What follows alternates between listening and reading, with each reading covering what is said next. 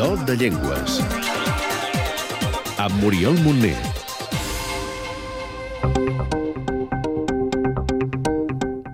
Nom, Suec, àrea geogràfica, Suècia, parts de Finlàndia i d'Estònia. nombre de parlants, 9 milions i mig. situació o estatus legal, Oficial a Suècia i a Finlàndia. Reconeixement legal en un comtat d'Estònia. família o origen, Indoeuropea. branca, Germànica. grup, Septentrional. Sistema d'escriptura, Alfabet llatí. El suec és la llengua més parlada a Escandinàvia. Fins i tot va guanyant parlants de manera tímida i ja està a punt de consolidar els 10 milions, la meitat de la població escandinava. La creixent influència de l'anglès, sobretot entre els més joves, i les constants aportacions dels immigrants generen noves paraules, dos fenòmens que podrien dificultar la comprensió del suec del futur.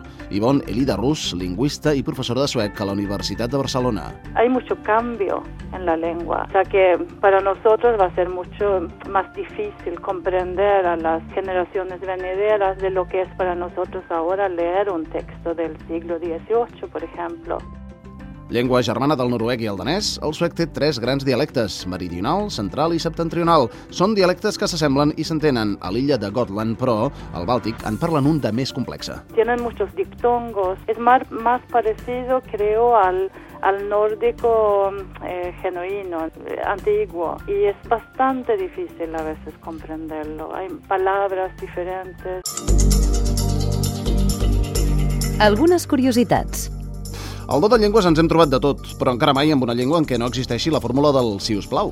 Sobta, i no ho entenem, però no és que els suecs siguin mal educats, simplement buscant altres fórmules per suplir el si us plau. extrañan mucho el, el hecho de que no existe la palabra por favor. Hay que eh, formularlo de otra manera cuando quieres eh, ser cortés. Por ejemplo, si yo quiero decir abre la ventana, por favor, yo tengo que decir puedes ser tan amable a- abrir la ventana o puedes abrir la ventana.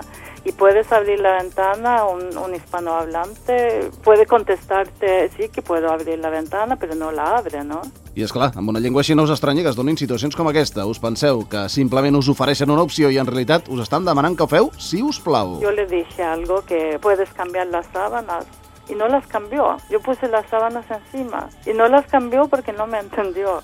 I aquells signes de puntuació tan cridaners en el suec escrit. Ja ho sabeu, aquelles rodonetes sobre algunes vocals. Com es pronuncien aquestes tres últimes lletres de l'alfabet en suec? Ho aprenem? Es la A con redondela, como decís vosotros, se llama U. Segunda del final se llama A y es una A con dos puntos arriba. La última es la Ö, es una O con dos puntos arriba. Cada una de ellas tiene dos, tres, cuatro pronunciaciones diferentes. Per cert, les vocals travessades per petites mm, línies diagonals són del suec i el danès. Ho deixem per un altre dia. Quatre pinzellades de la llengua, Si voleu quatre nocions lingüístiques per passejar des d'Estocolm fins a Lapònia, aquí en teniu algunes. Hola, Hej, bon dia, god morgon, marxem, adeu, adjö, bona nit. godnatt.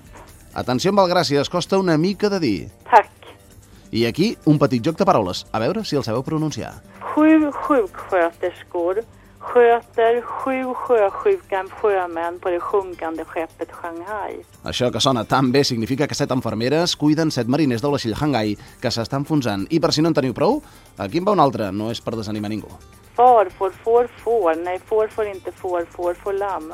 En fi, el significat tant se val. D'aquesta frase sí que us en donem la traducció. escolteu el programa Do de Llengües cada setmana a Catalunya Informació. Lyssna på programmet om språklig begåvning varje vecka i Catalunya Information. Per saber-ne més. Podeu visitar els webs linguamont.cat, etnolog.com, gela.cat i linguislist.org. Cada cop que desapareix una llengua, perdem una manera d'entendre el món, una manera de viure'l i de descriure'l.